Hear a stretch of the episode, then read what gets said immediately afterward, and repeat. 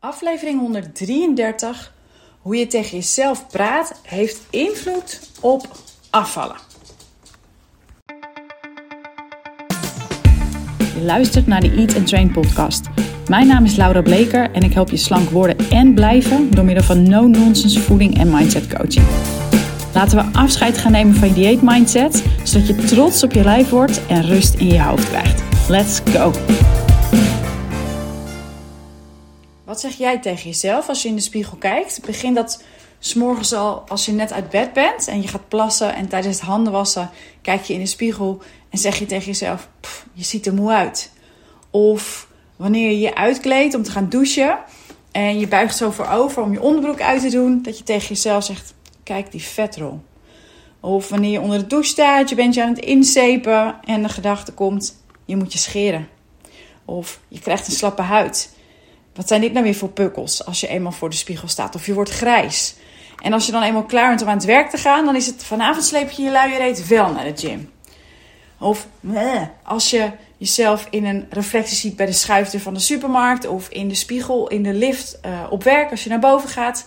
Het gaat allemaal zo ontzettend subtiel. Je hebt het niet eens in de gaten. Maar het gaat de hele dag door. En dan heb ik het nu alleen nog maar over de opmerkingen over je uiterlijk. Laat ik nog niet eens beginnen over de kleine dingen door de, door de dag heen die over andere dingen gaan. Bijvoorbeeld sukkel, hè, als je jezelf per ongeluk stoot. Of um, uh, een sarcastisch lekker bezig als je iets laat vallen. Of mijn god, als je iets per ongeluk twee keer doet of niet helemaal goed gaat, niet in één keer goed gaat de eerste keer. En ik moet eigenlijk een beetje lachen. Want stel je eens voor, ik zie het ineens helemaal voor me, dat je een collega hebt die elke keer als er zoiets gebeurt, hè, dus als er iets kleins misgaat, dat ziet en dan op, op die manier dat zegt. Op zo'n sarcastische, licht gemene, maar voor anderen, die dat dan die alleen die enkele keer horen, niet heel opvallend. Je zou een bloedhekel aan haar hebben. Nou ja, die opmerkingen over je uiterlijk. Ai, ai, ai, ai. Dat is echt niet, ja, ik, ik ga het gewoon plat zeggen, dat is niet oké. En wat een bekende oefening is binnen coaching, is om een lijst te maken met alle nare opmerkingen, het commentaar van jezelf, het commentaar op jezelf waarvan je jezelf um, voorziet gedurende de dag. Ja, dus je gaat een lijst maken van hey, welke nare, terugkerende dingen zeg ik eigenlijk tegen mezelf. Begin, en, en, en dan begin je steeds met je bent of je hebt. Ja, en dat ga je dan vervolgens allemaal uitschrijven. En dan volgt er vaak een flinke, soms een enorme lijst. Vervolgens wordt er gevraagd: oké, geef nu die lijst, en dat is waarom je moet beginnen met je bent of je hebt, aan je dochter. Of aan je nichtje of je buurmeisje of vriendin of een andere vrouw in ieder geval. Leeftijd maakt niet uit, waar je van houdt. En de deelnemers zijn dan gechoqueerd. Ja? Ze willen dat niet, zouden namelijk die dingen nooit tegen iemand anders zeggen. Maar moet je even het effect voorstellen van al die opmerkingen, al die dingen die jij tegen jezelf zegt, op een klein meisje. Ja, ik laat even een stilte vallen zodat je je dat kunt voorstellen. Want ik vind dat enorm pijnlijk. Als ik me voorstel hè, dat, um, dat, dat ik de dingen die ik tegen mezelf zei, hè, want het is een stuk minder, maar ik heb het ook nog wel, dat ik die tegen een klein kindje waar ik van hou, zou zeggen. Als, ik, als ik dat helemaal inbeeld, dan kan ik gewoon daadwerkelijk huilen. Maar het punt is, dit doe je eigenlijk wel, of eigenlijk wel, dit doe je bij jezelf als je zo tegen jezelf praat. En omdat je het al zo lang doet, hè, voelt het alsof het bij je hoort. Je merkt het niet eens op en je weet niet beter. Maar het punt is, het heeft effect op je stemming. Het zijn namelijk gedachten en je gedachten zijn verantwoordelijk voor je gevoel. Dus waar jij wellicht op sommige dagen denkt: hé, hey, ik zit er lekker in, en daarom heb ik positieve, blije gedachten. Is het andersom? Je hebt eerst gedachten en daarna voel je je op een bepaalde manier. En dat gevoel, dat triggert op zijn beurt dan weer gedrag. En het zou zomaar kunnen dat je niet je meest blije, happy zelf bent als je veel van dit soort gedachten bent. Ja, je doet namelijk, je zegt namelijk continu tegen jezelf dat je iets niet goed doet of dat je niet genoeg, goed genoeg bent. En Kun je je voorstellen wat voor gevoel daarop op volgt? Dus um, nou, het lijkt me niet een bijzonder lekker gevoel. En voor veel vrouwen is dat de trigger, de aanleiding tot overeten later op de dag. Ja, eten ontspant, geeft een lekker gevoel. En als je over de hele dag heen, ja, gedurende de hele dag, een bak commentaar over jezelf heen hebt gehad, is het wat mij betreft niet zo heel gek dat je zin hebt in een verzetje. Iets waar je blij van wordt aan het einde van de dag. Ja, en zo kan de manier waarop je tegen jezelf praat een grote rol hebben in het jezelf saboteren als het aankomt om afvallen. En überhaupt in het hoe gelukkig je jezelf voelt. Ja, dat eten uiteindelijk niet um, die rol zou moeten vervullen. Ja, dus, dus, dus die van je lekker voelen, je ontspannen en eindelijk blij zijn met iets nadat je de hele dag volgens jezelf alles verkeerd gedaan hebt. Um, ja, eten zou die rol niet moeten vervullen. En dat je de volgende dag baalt van het, dat je als alweer zoveel gegeten hebt, waar je dan vervolgens weer commentaar over krijgt, is natuurlijk een tweede. En nu kan ik me voorstellen dat je denkt: hé, hey, maar heb ik dat commentaar niet nodig om in actie te komen, om scherp te blijven? Want als ik dat commentaar niet heb, waarom zou ik dan iets veranderen? Nou, dat is een logische gedachte, zeker als je je realiseert dat een mens alleen in actie komt om bij pijn weg te gaan of naar plezier toe te gaan. Dan is het helemaal niet gek dat je dit denkt. Van ja, als ik geen commentaar heb, dan verandert er niets. Maar als jouw pijn nu is dat je jezelf te zwaar vindt, of dat je je buik niet mooi vindt, of je been of je armen te dik, en je wil dat veranderen, dan kan dat zonder dat je jezelf telkens een rotgevoel geeft. Ja, als jij een sportlesje volgt en um, de, de, zeg een groepsles.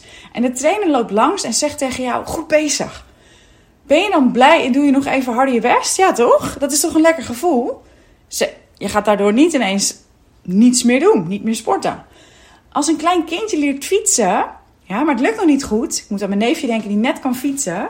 Ja, en hij of zij valt steeds. Stel je voor, ik, ik zie dan mijn broertje voor me dat hij de hele tijd in het begin tegen mijn neefje zou roepen: Je kunt er niets van als hij weer valt. Je zal het nooit leren, stop maar. Oh, arm joch. Ja, maar even om, om, om je in te beelden.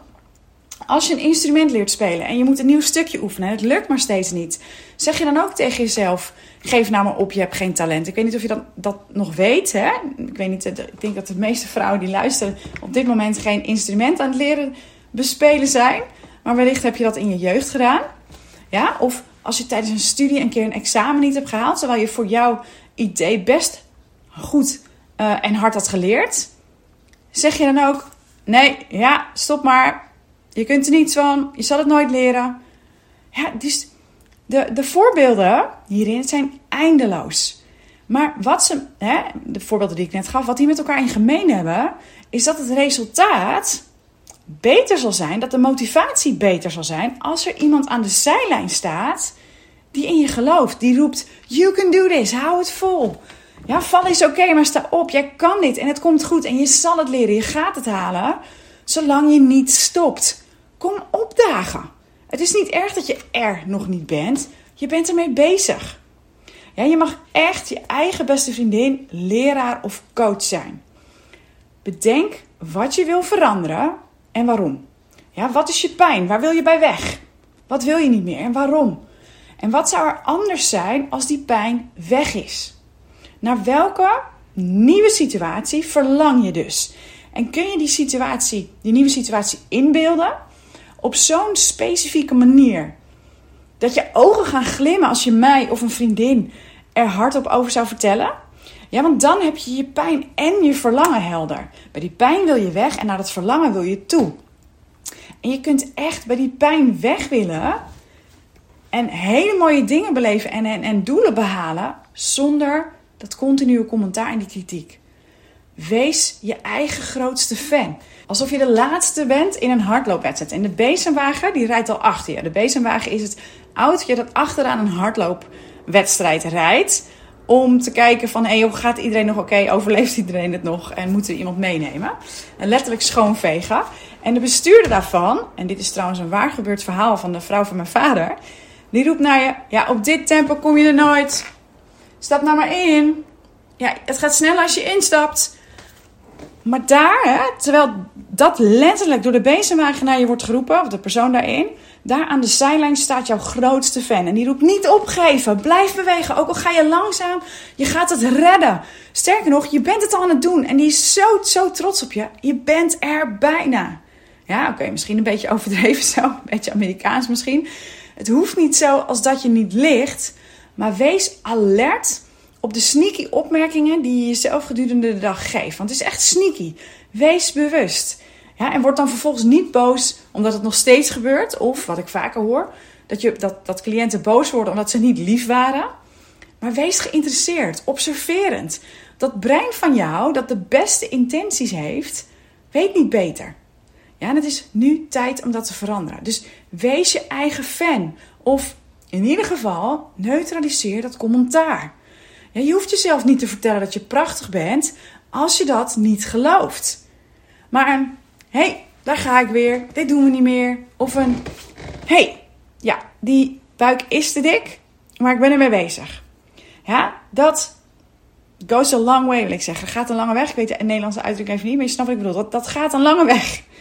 Ja, dat, dat werkt veel beter en daar kun je veel langer mee dan met die kritiek. En als je nu denkt, dat lukt me nooit, dan als eerst zeg nooit nooit. Ja, daarmee maak je het absoluut en sluit je de deur naar een mogelijk andere uitkomst. Zeg eerder, het is me nog niet gelukt. Ja, of ik heb de neiging om dit soort dingen niet te laten lukken. Bijvoorbeeld, maar het is niet zo'n heel goed voorbeeld. Maar zeg nooit nooit. Ja, nou, dan een leuke anekdote. Ik vind dit altijd een leuk verhaal. Er was dus een, uh, dit verhaal heb ik recent ook gehoord. Er was dus een man van 47. Ja, dit, uh, dit is weer van een Amerikaanse coach die, uh, die ik volg. Die vertelde dit verhaal over een, een man van 47. Die zo negatief was over zichzelf dat hij op een gegeven moment besloot van joh, als ik nog iets van dit leven wil maken, dan moet dat stoppen. Ja, dus hij zocht contact met een psycholoog en gaf tijdens de intake aan van joh, ik denk eigenlijk niet, ik geloof er niet echt in dat jullie me kunnen helpen. Dit is zo intens. Ik vraag me af of een psycholoog, uh, ja, of dat, ja, of dat sterk, uh, wat jullie me kunnen leren, of dat, nou, of dat gaat helpen. En die psych zei, nou, ik denk het wel. En ik ga graag de uitdaging aan. En ik denk dus dat ik je goed kan helpen, mits je doet wat we afspreken. En de opdracht die die man kreeg was vervolgens: spreek elke keer dat je naar bent tegen jezelf en jezelf een commentaar voorziet, ja, of dat je iets weer eens niet goed gedaan hebt, of, of wat dan ook, dat je jezelf afvalt, een berichtje in, spreek een berichtje in aan jezelf vanuit de rol van je eigen beste vriendin, of vriend in dit geval, en stuur die naar me. Ja, dus als hij iets verkeerd had gedaan, ik stel je voor, ik heb geen idee wat die man voor werk deed, dat hij een schrijver was en hij had een stuk geschreven en hij vond het daarna vreselijk, belachelijk, niets waard, et cetera. En zo kwam er uiteindelijk geen werk uit zijn handen. Dat hij vervolgens in de rol stapt van beste vriend. Hey grap, je kan dit. En um, je, je haalt jezelf naar beneden. Je hebt waanzinnige boeken geschreven, dus ook dit kan je. Je moet vertrouwen hebben in jezelf, dat soort dingen. Ja? Dat soort berichten moest hij inspreken en die moest hij naar de psycholoog sturen. Elke keer. En de eerste dagen en weken ontving die psych 5, 6, 7, soms wel meer dan 10 berichten op een dag. Dat zijn er veel. Maar dat werden er langzaam maar zeker minder. Ja, omdat met het opkomende commentaar, ja, de opkomende kritiek, langzaamaan direct in het hoofd van de man de woorden van zijn beste vriend dat al gingen opvangen. Omdat hij zichzelf steeds trainde van hé, hey, oké, ik ga dit ombuigen als zijnde beste vriend, wat zeg ik dan? En eerst moest dat via dat berichtje en dat versturen. Maar op een gegeven moment ging dat al meteen in zijn hoofd.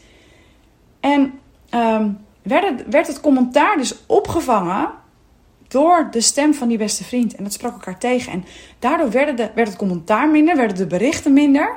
En minder en minder. En na vier maanden, vier maanden, was het weg. Ja, en dit is van iemand die zei: Dit is zo heftig. Ja, diegene kon, kon volgens mij niet meer zijn werk doen. Zo heftig was het. Die dacht ook van, joh, niemand kan me hierbij helpen. Dit, ik weet niet hoe ik hier ooit uit ga komen. Nou, point being, ik vermoed dat jij het niet zo heftig hebt dat je niet kunt functioneren. Als deze man het kan, kun jij het ook. Nou, moraal van het verhaal is niet dat jij per se jezelf voice memos moet sturen. Maar beginnen met opmerken en ombuigen is al een hele mooie eerste stap. Yes? Nou, veel succes en plezier. Dank voor het luisteren. Laat me weten via DM of via e-mail als je hier iets aan, uh, aan had. Of misschien nog beter, stuur het door aan iemand waarvan je denkt, die kan hier ook zeker iets mee. Dank voor het luisteren.